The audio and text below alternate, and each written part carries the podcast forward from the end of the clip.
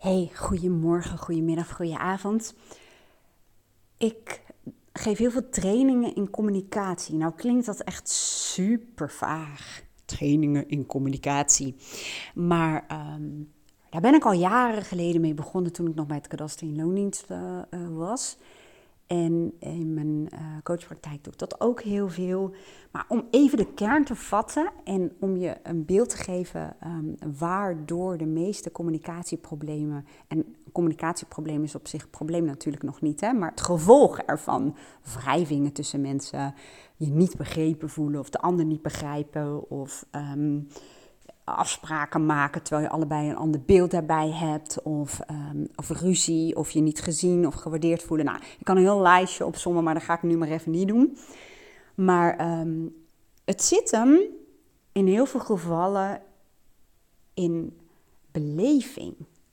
En ik, ik, ik um, werk met een aantal stappen, die heb ik destijds zelf ooit geleerd van Diane Simelink. Die uh, noem ik vaker in mijn podcast. is echt een van mijn allerbeste coaches geweest ever. Zij heeft nu een Instagram-account, Lieve Heersje. En zij schrijft daar echt geweldig mooie, rakende uh, gedichten en, en teksten. Maar ik wil haar toch even noemen om haar de credits te geven. Zij is de eerste die mij dat helemaal geleerd heeft. Ik ga het zo meteen met je doornemen. Ik moet eigenlijk heel erg plassen. Maar goed, dat ga ik zo meteen maar even doen. Maar dat is ook als je zo'n ik weet niet of je dat herkent als je luistert, als je heel enthousiast bent over iets. Ik werd net getriggerd in een sessie. Um, en uh, waar we iets heel anders deden, want ik doe ook voor klanten, zet ik niet mijn website hoor, want straks wordt dat mijn core business en dat was niet helemaal de bedoeling. Maar uh, ik heb heel veel ondernemers in mijn uh, praktijk, onder andere daarom ook business coach als label. En ik doe ook samen met ze, um, maak ik bijvoorbeeld Google of Facebook campagnes, vooral wel Google. En dat doen we dan samen. Ik heb ook een achtergrond in de neuromarketing, om het zo te zeggen. En um, met twee laptops. En dan uh, nemen we de sessie op, zodat ze zelf daarna ook um, verder mee kunnen. En helemaal snappen wat ik met ze gedaan heb, zeg maar. Nou, daar werd ik door in getriggerd. Want we hadden het heel erg over woorden. Woorden maken zo'n enorm verschil, ook in een campagne, in de titel en zoekwoorden en noem het allemaal maar op. Um, oh ja, wat ik zei dus, ik werd zo enthousiast dat ik dacht, oh dit moet ik even delen in een podcast. En nu besef ik, ik moet echt mega plassen. Dus dat ga ik zo meteen eerst maar even doen. Hier heb je natuurlijk geen ene ruk aan. Um, maar wel dat je misschien herkent dat je zo enthousiast kunt zijn. En ik heb ook wel eens als ik een deadline heb, bijvoorbeeld met Mindshifters gaan Rachel en ik uh, erg goed op deadlines stellen. Dat ik echt op een gegeven moment mijn benen gekruist achter mijn bureau zit. Maar zo in een flow zit. En dat is ook vaak uh, wel als je dat te lang duurt, het moment waarop je zwaar over je grenzen heen kunt gaan. En zwaar over je grenzen klinkt heel dramatisch, hè? maar dat je eventjes helemaal volledig draait op flow en wilskracht en enthousiasme. En dan even vergeet dat je hoofd gewoon één grote um, ja, puinbak is geworden. Dat er mega veel processen openstaan en dat het soms echt heel goed kan werken. Ook al voelt het tegen natuurlijk om even naar buiten te gaan of zo. Nou goed, ik zet je even op pauze. Ik ga plassen. Ik kom zo terug en dan ga ik je vertellen wat ik bedoelde met beleving. Daar ben ik weer. Nou, dit is ook zo'n kwestie van beleving. De ene luisteraar die zal denken: ach, jongen, jongen, daar had je toch allemaal niet hoeven te vertellen. Dan neem je het toch opnieuw op of zo. Of uh, dan zet je hem op pauze en dan ga je naar de wc, kom je daarna weer terug. Um, dat kan. Dat was eigenlijk ook best wel loos geweest. En een ander die, die piest bijna nu in zijn eigen broek. Omdat hij denkt, oh, dit is zo herkenbaar. Ja, dat is het. We gaan het zo meteen ook, wel gaan dat jij en ik, nou je snapt wat ik bedoel, het hebben over beleving in, in, in relatie tot communicatie. En um, ik geef je zo even een concreet um, stappenplannetje, zou ik het even noemen. En ook wat voorbeelden. Want ik zei net al uh, tegen je van, ik werd getrikkeld, uh, getrikkeld, getriggerd, getrikkeld. Wat is dat nou weer? Dit is echt, ook als ik in mijn enthousiasme zit, dan zit dat deel aan mijn stuur. En die wil het liefst allerlei woorden comprimeren om zoveel mogelijk in zo kort mogelijke tijd te vertellen. Dus ik ga even ademhalen. Ik zeg heel vaak, even ademhalen van, ik haal mijn rustige en kalme kant erbij. En wat ik daarmee bedoel en waaraan ik dan refereer, of naar, naar ik refereer, is dat soms mijn enthousiaste kant het over kan nemen. En dan ga ik dus echt woorden uh, in elkaar, um, hoe zeg je dat, mixen. En uh, struikel ik bijna over mijn eigen woorden en praat ik snel. Ik, ik, dat is ook zo grappig, want dat is ook beleving. Ik heb echt mensen die uh, zeggen: Je praat veel te snel, kan je bijna niet volgen in je podcast. Maar ik heb ook mensen die zeggen: Hebben we het over dezelfde podcast? Ik zet jou op anderhalf keer zo snel. ja, dat. Dus dat is wel grappig. Maar goed, anyway, mijn rustige en kalme kant. Ik verwijs daarnaar, of uh, daarbij bij, naar een deel van mij, wat ik ook in mijn innerlijke bus heb zitten. Een rustige, en kalme kant. En die, mijn enthousiaste kant mag blijven, want die geeft ook een bepaalde energie. En, en ehm, ja, het is ook echt, hè. Maar als je daarnaast een rustige, kalme kant neerzet, dan hoor je al in mijn woorden dat het ehm, wat rustiger is, zeg maar. En dan, dan zal ik iets doordachter zijn. Dus dat is ook het spelen met je innerlijke kant, om het zo te zeggen. Die enthousiaste kant hoeft niet weg wellicht wordt anders een super saaie podcast die je gebruikt om in slaap te komen of zo. Maar ehm, die mag wel blijven. Maar ook mijn rustige en kalme kant, die zorgt ervoor dat ik in elk geval woorden gebruik die ook echt bestaan. In plaats van, wat zei ik nou, trikkelen? Trikkelen. Nou, triggeren. Goed, nou probeer ik mezelf ook weer even terug te brengen naar waar ging het eigenlijk ook alweer over.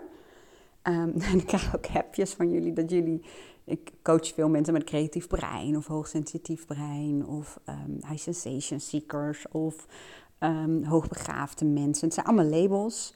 Um, ik gebruik ze veel, al zeg ik vaak dat ik helemaal niet per se van het labelen ben, maar toch, het geeft vaak richting als je verder onderzoek wil doen in kenmerken en vooral hoe je daar je voordeel uit kunt halen en hoe je ervoor kunt zorgen dat het voor jou werkt in plaats van dat het een last is, zullen we maar zeggen.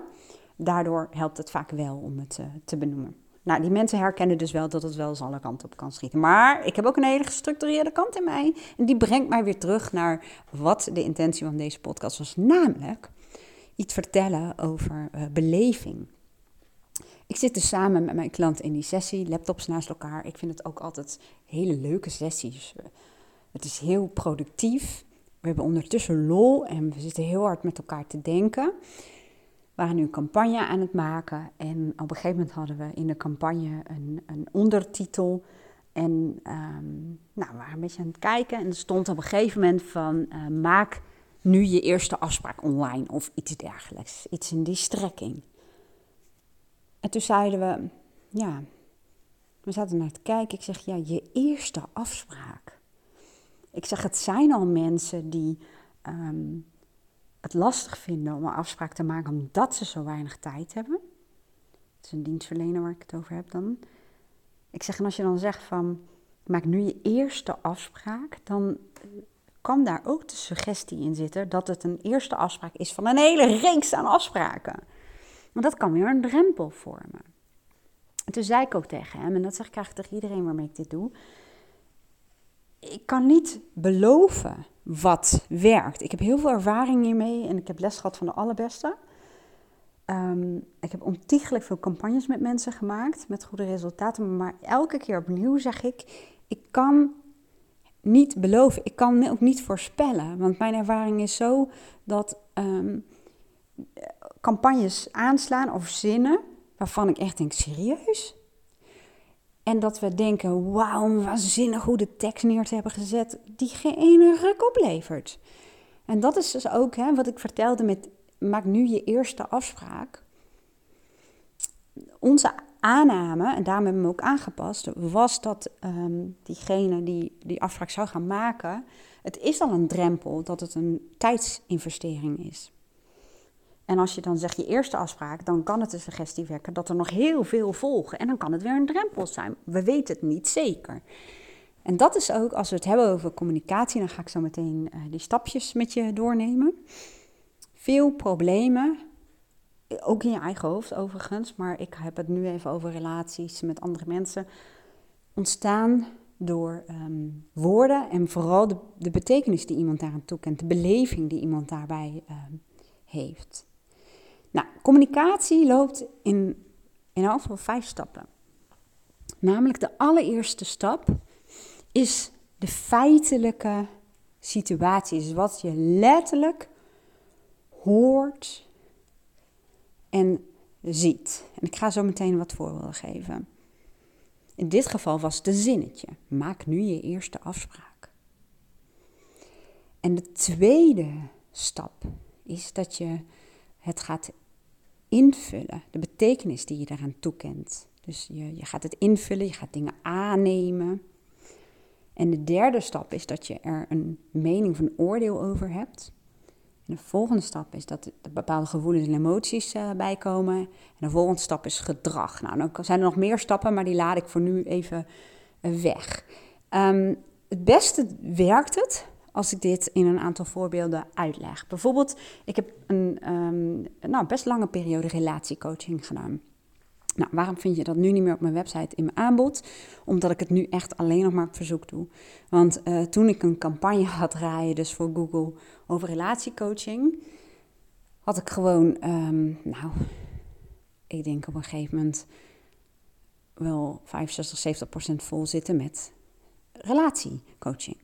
En dan kreeg ik meestal, uh, zag ik aan het tijdstip van inboeken van een afspraak midden in de nacht, um, meestal door een man ook totaal wat ik niet had aangenomen van tevoren. Wat ik niet had gedacht, dat mannen die afspraak zouden maken. Um, en in, uh, ik denk wel 90% van de gevallen was dat nadat de vrouw had gezegd dat ze er helemaal klaar mee was en de relatie wilde verbreken. Um, nou, dat, dat vond ik al een eye-opener. Dat ik van tevoren had bedacht wat ik dacht hoe het zou gaan en wie de afspraken zouden maken. En dat het in de praktijk dus echt compleet anders was. Nou, ik haal vanuit de relatiecoaching even een voorbeeld aan. Op een gegeven moment zat er een, eh, een stijl uh, voor me en, en, kwam naar voren van... Um, ik probeer, het is jaren geleden hoor, maar ik kan het dus niet letterlijk terughalen, maar wel aardig goed. Ik zie ze nog zo zitten. Van um, dat de vrouw zei van ja, en hij zegt altijd dat ik gereinigd ben. Ja, zegt hij, maar dat is toch ook zo? En Nee, ik ben helemaal niet zo gereinigd, zegt ze. Maar dat word ik wel als ik naar jou kijk. Als jij dat al zegt, dan, dan word ik dat natuurlijk wel. En toen vroeg ik die man, toen waren we aan het spelen en het oefenen met die stappen die ik net met je doornam. Van, maar, maar waaruit maak jij op dat ze zo gereinigd is? Kun je me eens de feitelijke situatie beschrijven? Stap 1. Ja, zegt hij, wat bedoel je dan? Ik zeg, wat nam je waar? Letterlijk. Wat zag je? Wat hoorde je? Wat deed ze? Ja, zegt hij, dat is wel heel moeilijk. Ik zeg, ja, dat zal ik ook zeker niet ontkennen. Maar wat, wat moet ik dan zeggen dat haar mond een streep was? En uh, dus ik, kan het nog aardig goed terughalen, toch wel. Uh, nou, ik zeg, nou ja, om te beginnen. Dus beschrijf. En toen zei hij, ja, ze is dan stil. Ze is stil. Oké. En voor hem waren dat soort um, observaties, zoals hij zei, die mond die een streep was, stil hij trok een conclusie. Hij vulde in dat ze gereinigd was. En zij reageerde op het stickertje wat ze door hem opgeplakt kreeg. gereinigd. En werd daar boos en gereinigd door. Er zijn ook weer labels trouwens, maar... Hè? Um, en je kunt je wel voorstellen wat voor sfeertje er in de ochtend was. En met hem en haar ben ik gaan trainen door um, niet in te gaan vullen. Door te benoemen wat je ziet. En um, Diana noemde dat ook, was het ondertitelen. Dus wat zie je? En hij is toen echt magisch. Ik krijg heel stom, maar ik krijg misschien, heel stom misschien ik maar ik krijg kippenvel gewoon daarvan. Want op een gegeven moment um, werd het gesprek heel anders. In dit geval zou hij bijvoorbeeld hebben gezegd van, en er waren ook situaties waarin dat gewoon ook veel meer naar voren kwam, van goh, ik merk dat je wat stil bent. Of je bent wat stil. En daarna zei hij gewoon niets. En dan liet hij haar daar betekenis aan geven. Hij liet het haar invullen.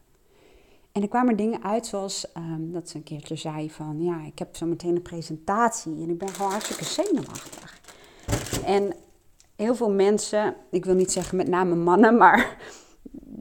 Ja, dat zie je toch wel vaak dat ze graag willen helpen en graag advies of oplossingen willen aandragen. En um, dit is al heel mooi, hè, dat hij benoemt, je bent stil. En dat zij zegt, ja, ik heb zo meteen een presentatie en ik ben wel een beetje zenuwachtig. En veel mensen hebben dan naam te zeggen, oh, maar dat hoef je helemaal niet te zijn, joh. Je hoeft helemaal niet je druk te maken. En dan stagneert het soms ook weer. Dat is ook allemaal invullen wat je doet. Maar ehm, heel veel mensen willen niet per se een oplossing voor hun probleem. Uiteindelijk misschien wel.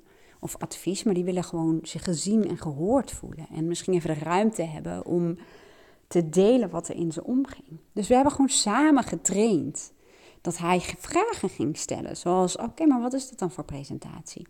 Wat bedoel je dan met zenuwachtig? Wat, wat, eh, hoe gaat het dan bij jou? Of um, wat, wat gaat er dan in je hoofd om? Wat denk je dan? En dan is er connectie, dan is er contact. En ja, en als je al aan het invullen bent voor de ander, dan is er per definitie al geen gesprek meer. Maar dan zit je vaak in een discussie. En uh, Diane Simmeling noemde dat ook vaak. Je gaat stapelen, het stapelen van argumenten. Ik geef je nog één voorbeeld. Um, ik was jaren geleden, en als je klant van mij bent en zo'n uh, communicatie-mini-training, ik doe het heel vaak in één sessie, dat we dat gewoon samen doen en gaan oefenen dat ik je de basics leer, dan haal ik vaak dit voorbeeld aan. Die ken je misschien wel. Dat ik jaren geleden liep ik met mijn zusje in de kinderboerderij. En het was voorjaar, het was prachtig mooi weer. En toen zei in één keer mijn zusje, nou dan krijgen we waarschijnlijk een kutzomer. Ik zei, uh, oké. Ehm, en ik ging naar de KNMI, omdat ik dacht, kutzomer, we hebben toch best wel een mooie zomer gehad. Toen zei ik, we hebben een hele mooie zomer gehad. Nee, helemaal niet, zegt ze. Het was helemaal geen mooie zomer. Nou, het, is niet het klinkt alsof het zo kattig is, maar dat is het niet zo. Maar um, ze baalde er gewoon van. Dus ik liet haar die, uh, wat was het, een grafiek, weet ik veel wat, zien op de KNMI. Ik zeg, kijk dan eens. Toen dacht ik, hè? Maar dit zijn toch de feiten? En op een gegeven moment dat is het ook vaak. We denken dat we hele feitelijke, rationele gesprekken met elkaar hebben, maar dat is in heel veel gevallen echt niet zo. Dus ik liet haar dat zien op de KNMI en ik was verbaasd. Ik dacht, ja, maar dit zijn toch feiten? Dat kun je toch niet, uh, niet zien? Toen dacht ik, oh nee. Toen wist ik in één keer, dit is natuurlijk wat ik geleerd heb. Toen zei ik, maar deze, wat was voor jou de zomer? He, voor mij is de zomer begint dat in juni tot september ergens of zo. Dus dat was voor mij de zomer. En zij zegt, ja, vorig jaar was het drie weken vrij met de kinderen. En het heeft volgens mij iets van 2,5, drie weken gewoon geregend. Ja, maar dat kan ik me heel goed voorstellen. Dat is de zomervakantie. En je noemt dat dan de zomer. Of dat feitelijk wel of niet waar is, dat, dat doet er helemaal niet toe.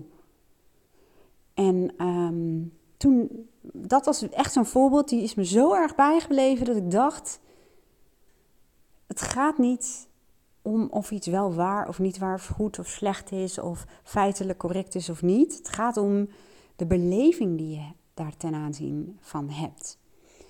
En um, dat het op het niveau van beleving vaak misgaat, dat je elkaar niet begrijpt. Um, en dat het hem niet in exactheden zit. Daar gaat het helemaal niet om. Maar connectie maak je door nieuwsgierig te zijn en vragen te stellen. En in dit geval deed ik dat. En ja, kom je gewoon tot elkaar, begrijp je het zo goed. En zie je ook dat mensen bepaalde patronen waarnemen die helemaal niet per se patronen hoeven te zijn, maar waar die misschien voortkomen uit angst van ja, toen was het in het voorjaar heel erg mooi en was de zomer slecht. Straks gebeurt dat nu weer. Uh, straks gebeurt dat weer. Um, dit hele spektakel hè, van um, ruis in de communicatie, zullen we maar zeggen, die, die vindt natuurlijk de hele dag door op allerlei niveaus uh, plaats. Hè. In, in, en met niveau bedoel ik eigenlijk helemaal niet niveau, maar meer context. Zo van in liefdesrelaties, in um, uh, zakelijke relaties, in. Uh, ik werd nu ook afgeleid. Ik was ook iets aan het invullen. Ik krijg een appje over een volgende klant die heeft een ongeluk gehad. En het gaat goed, maar uh, die wil even overleggen over de komende afspraak. Dus ik ben nu ook aan het invullen. Dat is ook wel weer ongrappig. Zie je hoe je daardoor afgeleid wordt? Zie je dat, dat doordat ik een um, app icoontje in mijn beeld zie verschijnen dat ik ga invullen wat dat zou kunnen zijn. En dan ben ik even weg uit wat ik aan het delen was met jou. Nou, dat is dus even een live voorbeeld. Um, ik ga je nog een voorbeeld geven waarin dat spektakel wat ik net noemde gaat natuurlijk niet alleen maar over de, de, de communicatie tussen jou en de ander, maar ook in je eigen hoofd, waar ook een hele wereld ehm, aan innerlijke dialogen uh, plaatsvindt. Ook weer een voorbeeld die best misschien wel een beetje um, extreem is, maar je kunt het zo klein of groot maken als je zelf wil. Ook een paar jaar geleden toen ehm, ging Aal naar zijn werk. Hij werkt in Dingsbelo, moet een stukje door Duitsland heen uh, rijden. En uh, wij hebben gewoon een afspraak als we ergens naartoe gaan, uh, zoiets als dit, hè, wat wat langer duurt, dan sturen we elkaar even een appje als we aangekomen zijn. En meestal is hij er zo, ja, kwart voor acht of zo. Nou, en dan krijg je een appje. Dan merk je al meteen gaat een deel van je een beetje, die komt naar voren, angst. Oh, de feitelijke situatie is, het was, weet ik veel, acht uur en er was nog geen appje. En dan zie je, dan wordt een deel van mij werd getriggerd, in dit geval angst en kant die zich zorgen maakte. En die kwam naar voren van, oh, straks is er iets gebeurd. En dan zie je die innerlijke dialoog, die vindt plaats, want er is ook een deel dat zegt, ah nee joh, um, misschien heeft hij wel vertraging of is hij uh, bij binnenkomst in gesprek geraakt met een collega of misschien is wel zijn telefoon leeg. En dan zie je dat eigenlijk in je innerlijke bus staat al een kant die zich zorgen maakt. En staat ook een kant die relativeert. En wie weet wat voor kanten nog meer. Maar het gaat allemaal op basis van een feitelijke situatie. Het is acht uur en er is nog geen appje geweest. En um, dan ga je invullen. Ja, daar worden dus delen in jou getriggerd. En je voelt al wel dat um, daardoor ook bepaalde gevoelens en emoties tot stand komen. Ja, ik werd al een beetje zenuwachtig, als je een beetje zorgen maakt. En ik werd ook wel wat gerustgesteld. Maar er speelde wel iets. Ik voelde het wel. Het verhaal is nog niet klaar. Op een gegeven moment was het, weet ik veel, tien voor half negen. Toen dacht ik, ja, dat is ook een deel van mij die zegt, ja, je hoeft je geen zorgen te maken. Het zal heus niks zijn. Maar er is ook een deel van mij die zegt: ja, maar wat is dan die afspraak waard? Als je met elkaar afspreekt dat je elkaar een berichtje stuurt en je handelt er niet naar, wat, waarom doe je het dan? Hm. En er was ook weer een deel dat zegt: ja, straks ligt hij ergens in de greppel. dacht ik: ja, wat zal ik doen? Er is ook een deel die zegt: ja, het is misschien een beetje raar dat je naar zijn werk gaat bellen. Ja, nou, oh ja, want naar zijn werk bellen was de volgende stap. Ik dacht: ik ga hem bellen. Maar ik kreeg ook geen gehoor. En dan is dat deel, dat, dat angstdeel, dat zich zorgen maakt, ja, die komt al veel meer naar voren. Zou er dan toch iets zijn? Nou, en toen kwam het van, ja, nou, dan kan ik even naar zijn werk bellen. En dan is er weer een deel, een innerlijke criticus die je gaat toch niet naar zijn werk bellen? Nou, en dan dacht ik, ik doe het wel. Dus ik belde naar zijn werk. En ik kreeg het secretariaat aan de telefoon en die zei, ja, dat is wel een beetje gek. Wij hebben hem ook nog niet gezien. Nou, je kunt je wel voorstellen wat er dan gebeurt. Dat deel wat wilde relativeren, die kreeg een klap voor zijn kop. Want angst, die snelde naar voren en die dacht, ja, maar nou is de maat vol. Nou is er echt wat gebeurd. En je kunt je voorstellen wat dat dan, hoe dat voelt. Dat voelde echt heel erg kut, om het even zo te zeggen. Ja, zegt ze, ik ga wel even kijken of ik zijn auto zie staan. Dus ik kom terug, ze zijn auto is er ook niet. En toen kwam er een deel die zei, innerlijk, hè? dat is die innerlijke dialoog. Je mag even wachten en anders dan moet je gewoon die route gaan rijden die hij altijd rijdt. En er was ook een deel die zei, je moet alle ziekenhuizen afbellen in de omgeving. Nou, hè? dat gebeurt, dat herken je wel. Die innerlijke dialoog is, het schiet soms alle kanten op en je probeert jezelf gerust te stellen. Maar je voelt ondertussen ook die zenuwen en ook de angst. En um, ik weet niet meer exact hoe het exact ging, maar het kwam erop neer. Op een gegeven moment, ik weet niet of uh, die vrouw dat zelf in de telefoon... Nee, nee, nee, zij hing op, dat was het. En um, Aaron die belde op een gegeven moment naar mij. Ja, zegt hij, ik uh, was even al binnen, ik was met een collega aan het praten. En mijn auto, oh ja, mijn auto zegt, ja, die heb ik een keertje op een andere plek gezet of zo. Ik weet, niet, ik weet ook niet waardoor, dat is helemaal niet zo relevant. Maar zo zie je dat ik allerlei aannames had gedaan, allerlei manieren had ik eh, betekenis gegeven aan de feitelijke situatie. Dat het inmiddels, weet ik van half negen was of zo, en ik had nog geen appje ontvangen. En zie je wat een spektakel zich dan in je hoofd uh, voltrekt?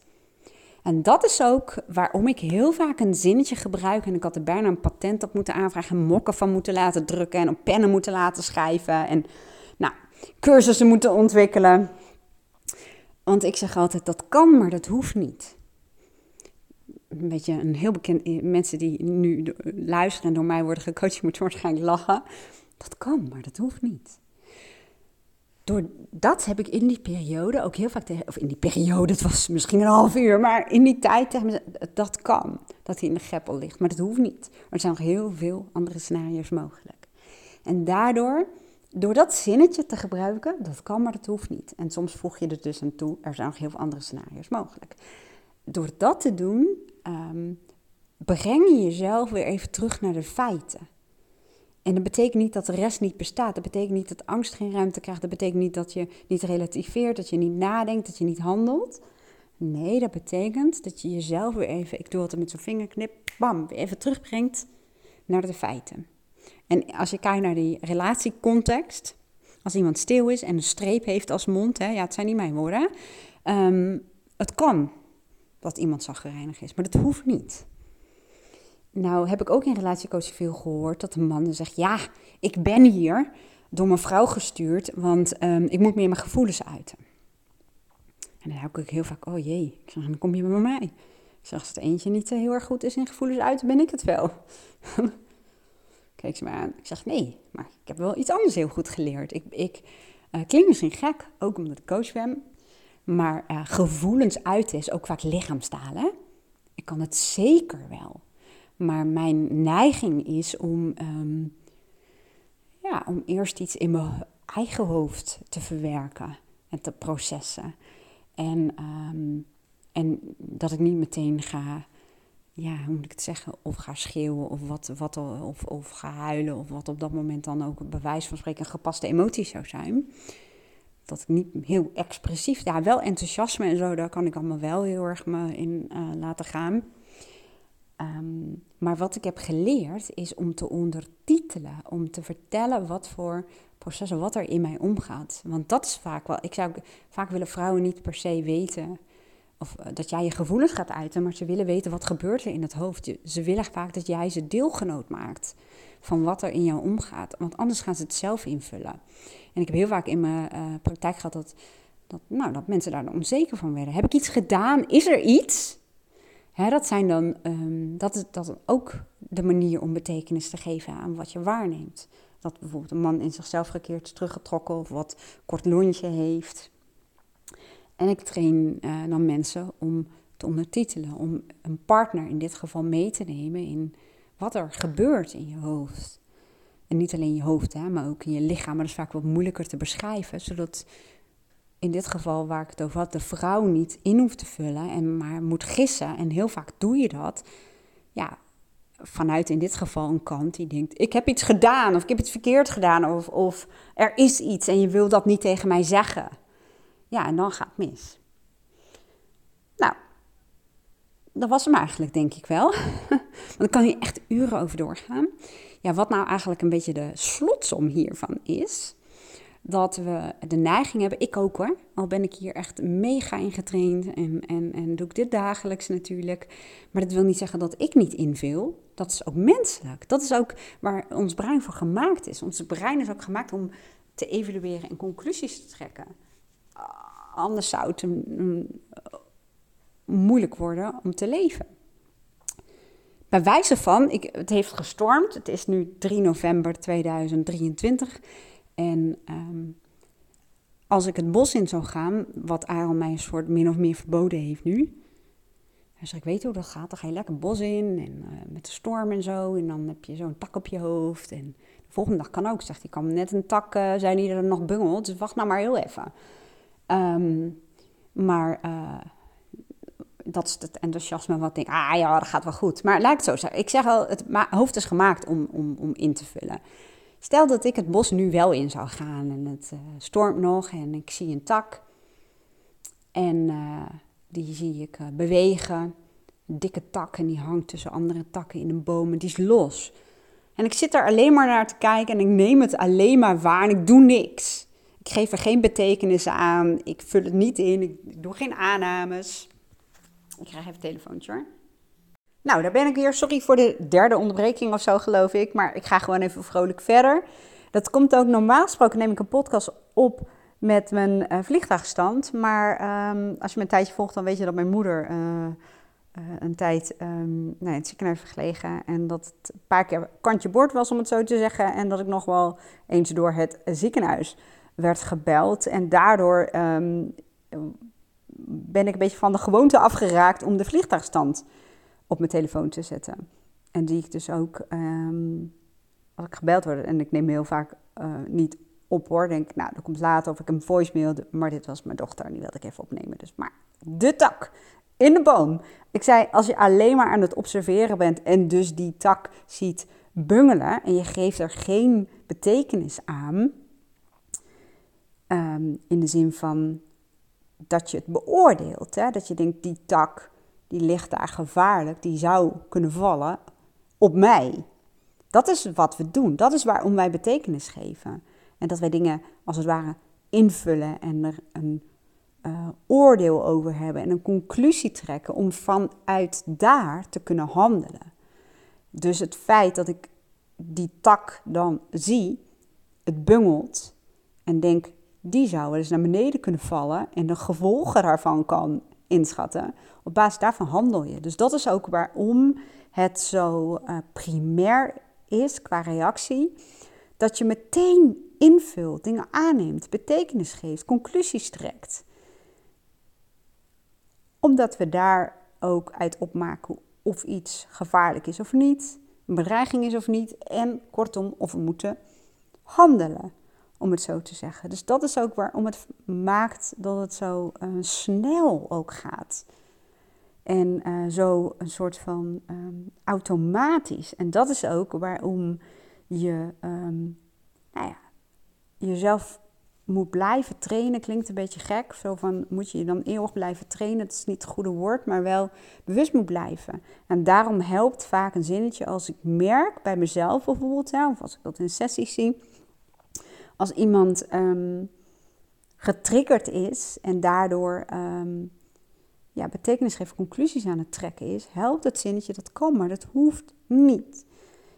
Je brengt jezelf als het ware terug naar de feiten en je staat ook open voor andere mogelijke scenario's. Want net als het voorbeeld wat ik gaf over Aaron, um, als ik dat niet had gedaan, dan was misschien de kant van mij die zich zorgen maakte of heel angstig was, misschien wel aan mijn stuur gaan zitten. En als angst bijvoorbeeld aan je stuur gaat zitten, ja, dan kan het maar zo paniek worden. Hè, of het je verlammen. Of um, dan is angst als het ware ook niet meer functioneel. Eerder dysfunctioneel. Ja, dat. Nou, mocht je denken, ik vind dit mega interessant. Um, misschien herken je wel dingen en uh, misschien pas je het allemaal toe. Misschien heb je de training al met mij uh, gedaan of hebben we samen hierin geoefend. Is dat niet het geval en denk je, ik vind dit echt super gaaf, ik wil er meer over leren. Lijkt me super waardevol, want dit is echt één van de belangrijkste dingen die echt verschil hebben gemaakt in mijn leven. Dat zeg ik over persoonlijke waarden, dat zeg ik over de wet van aantrekkingskracht en over voice dialogue en communicatievaardigheden. Zeg maar dit proces snappen, die stappen die ik met je um, doornam, um, heeft echt heel veel verschil gemaakt in mijn leven en dat doet het nog steeds. En zo zie je ook, het grappige is dat ik bijvoorbeeld die communicatievaardigheden koppel aan voice dialogue, hè, met die verschillende kanten in je bus. Want um, dat invullen of dingen aannemen en je emoties ervaren, doe je doordat bijvoorbeeld een kant van jou getriggerd is. Dus ik zorg ook dat die samenhang is. Nou, je kunt natuurlijk zeggen, ik vind het heel leuk en ik wil dat gewoon samen met jou doen. En um, ik wil dat ook samen met jou oefenen. Dan kun je natuurlijk gewoon een losse sessie bij me boeken. Nou, waarschijnlijk weet je wel hoe dat werkt. Ga naar mijn website, daar kun je een sessie inplannen. Je kunt ook zeggen dat je zegt, nou, maar het lijkt me veel leuker om dit met een groepje te doen. Misschien wel een zelf samengesteld groepje. Ik heb ook echt wel vriendinnen uh, bij elkaar gehad. Um, of collega's, of misschien wil je het met je team doen, of met een partner, of, of ja, nou, whatever wat. In dat geval kun je niet op mijn website terecht, bij wijze van spreken. Dan, dan neem dan echt even contact op. Dan gaan we gewoon samen even kijken wat uh, wijsheid is en wat leuk is ook. Um, een andere optie is, en daar zijn er twee van, dat je online dit gaat doen. Hè? Um, ik weet dat heel veel mensen zeggen, ik hou daar niet zo van, dan kan ik mezelf niet motiveren. Of um, ik ben gewoon liever uh, in persoonlijk contact met dit soort dingen bezig. Maar er zijn ook heel veel mensen, zoals ik dat ook wel herken, die uh, het leuk vinden om hiermee bezig te zijn. En die houden van podcast luisteren, of luisterboeken lezen, of journalen, of nou ja, hè, dat soort dingen. Um, en daarvoor heb ik dus uh, twee manieren waarop je online hiermee verder kunt. Een heel gerichte, specifieke communicatietraining, waarbij je vooral luistert. Dat is het fijne. Dus je hoeft niet aan de slag met opdrachten. Ik vertel je aan de hand van audio's en je kunt dingen downloaden, zodat je een soort van handvatten hebt die je kunt gebruiken. Je kunt ze uitprinten als je dat prettig vindt. Maar ik vertel je, ik deed dat toen dagelijks in begeleiding uh, van een groepje, zeg maar, um, over dit proces. En ik help je om het te gaan snappen. En ik help je om je bewustzijn te vergroten. Ik help je om te zorgen dat je niet dingen zomaar in gaat vullen. En ik help je om te leren om in contact te komen uh, met iemand als je merkt dat er bijvoorbeeld een discussie wordt. Of dat je niet gezien of gehoord voelt, of de ander niet. En ook hoe je, als je al in een vervelende situatie zit, in een discussie of een ruzie, jezelf en de ander weer kunt terugfluiten, terug naar de feiten en weer connectie met elkaar te maken. En um, dat kun je doen, communiceren kun je leren, heet hij, als ik het goed heb. Ik heb de namen nog wel eens veranderd. En die kun je gewoon op wendyborst.nl vinden. En dan heb je op een gegeven moment volgens mij coaching aanbod, online coaching aanbod. En dan zie je vanzelf communiceren kun je leren. Kun je gewoon uh, meteen um, bestellen kun je ook meteen toegang uh, toe krijgen levenslang. Dat wil zeggen, stel dat ik mijn website op zou heffen, dan laat ik je alles downloaden. En dan moet ik er altijd bij zeggen, vanwege het juridische oogpunt, hè, dat ik wel een belofte doe die ik kan waarmaken. Maar het verloopt niet, ook niet na een jaar en dat soort toestanden. Omdat het een, uh, ja, een, een handvat is, of handvatten, die je telkens opnieuw kunt gebruiken. Dus een soort toolkit zullen we maar zeggen, met wat gereedschap. Dus dat is echt super leuk. Dat is niet omdat ik dat zeg, maar omdat ik die uh, feedback natuurlijk van uh, de mensen heb gekregen. Um, ja, die het met mij samen toen hebben gedaan. Dus daar zijn al die opnames van. En ook die het nu nog steeds doen. En um, ik heb wel eens mensen die daarna zeggen: Oh, ik vind het zo leuk en nou wil ik gewoon samen een keertje oefenen met je. Kunnen we losse sessie boeken? Dat kan altijd nog. Nou, en heb ik er nog eentje waarbij er nog heel veel meer in zit dan alleen maar communicatie. Um, dat zijn namelijk de bewust leven audio's. Dat is een bewust leven online course waarbij hetzelfde weer geldt. Het bestaat vooral uit audio's die je net als podcast, podcast kunt luisteren. Alleen is het wel anders opgebouwd, omdat je dan ook echt wat met de inzichten en inspiratie gaat doen. Um, dan word ik weer gebeld, die laat ik even gaan. Even kijken even ja, weigeren. Um, zo zie je hoe snel je afgeleid wordt. Hè? Dat was een privé-nummer. En toen werd een trigger zo van, oh ja, vroeger, een paar maanden geleden, belde het ziekenhuis ook altijd met een privé-nummer. Maar goed, zo zie je hoe dat gaat, dat je betekenis toekent aan dingen. Van, oh jee, dat zou toch niks zijn? Zie je hoe dat gaat? Dat kan, maar dat hoeft niet. Er zijn nog heel veel andere scenario's mogelijk. En ik heb een uh, voicemail. En anders bellen ze nog wel een keertje. Nou, zo gaat dat. En dan zie je meteen de, de, de, de live, um, het live voorbeeld, zeg maar. Maar goed, de bewust leven audio's, um, daar zit nog heel veel meer uh, in. Namelijk, dat gaat inderdaad heel veel over waar ik het net over had. Die communicatievaardigheden, die innerlijke dialoog. Uh, dus die verschillende kanten in je bus, de wet van de aantrekkingskracht. Um, maar ook de kracht en het potentieel van je brein gebruiken. Weet je wat ik in het begin van de audio zei? Is uh, van de podcast dat woorden een enorm groot verschil kunnen maken in positieve of negatieve zin. Nou, daarover heb ik allemaal kleine e-learning podcasts. Dat wil zeggen dat je ook echt er iets van gaat leren, waar je ook echt iets mee kan. En die heb ik voor je gebundeld. En waar komt dat nou vandaan? Ik heb um, maandenlang een membership gehad. En dat heette de motivatie WhatsApps. En dan kregen uh, mensen, de deelnemers, elke dag een WhatsAppje van mij. Nou, al die dingen heb ik opgenomen. Dus dat gaat over alle onderwerpen waarover ik ook podcast, maar dan zodanig dat je er ook echt iets mee kunt gaan doen. Dus vandaar dat ik het ook een beetje e-learnings noem. Ik zet de linkjes van allebei onderaan. en nogmaals, mocht je zeggen, ik vind het leuk om dat een keer in een groepje te doen. Of ik kan natuurlijk zelf ook een workshop gaan organiseren als er mensen zijn die zich aanmelden naar deze podcast van lijkt me leuk. Kan ook hè. Dus, uh, maar in dat geval mail of app me even. Dan uh, kijken we even hoe dat verder vervolg kan krijgen. Nou, ik hoop dat je er wat aan had. Ik wens jou een hele mooie dag en heel graag tot de volgende podcast.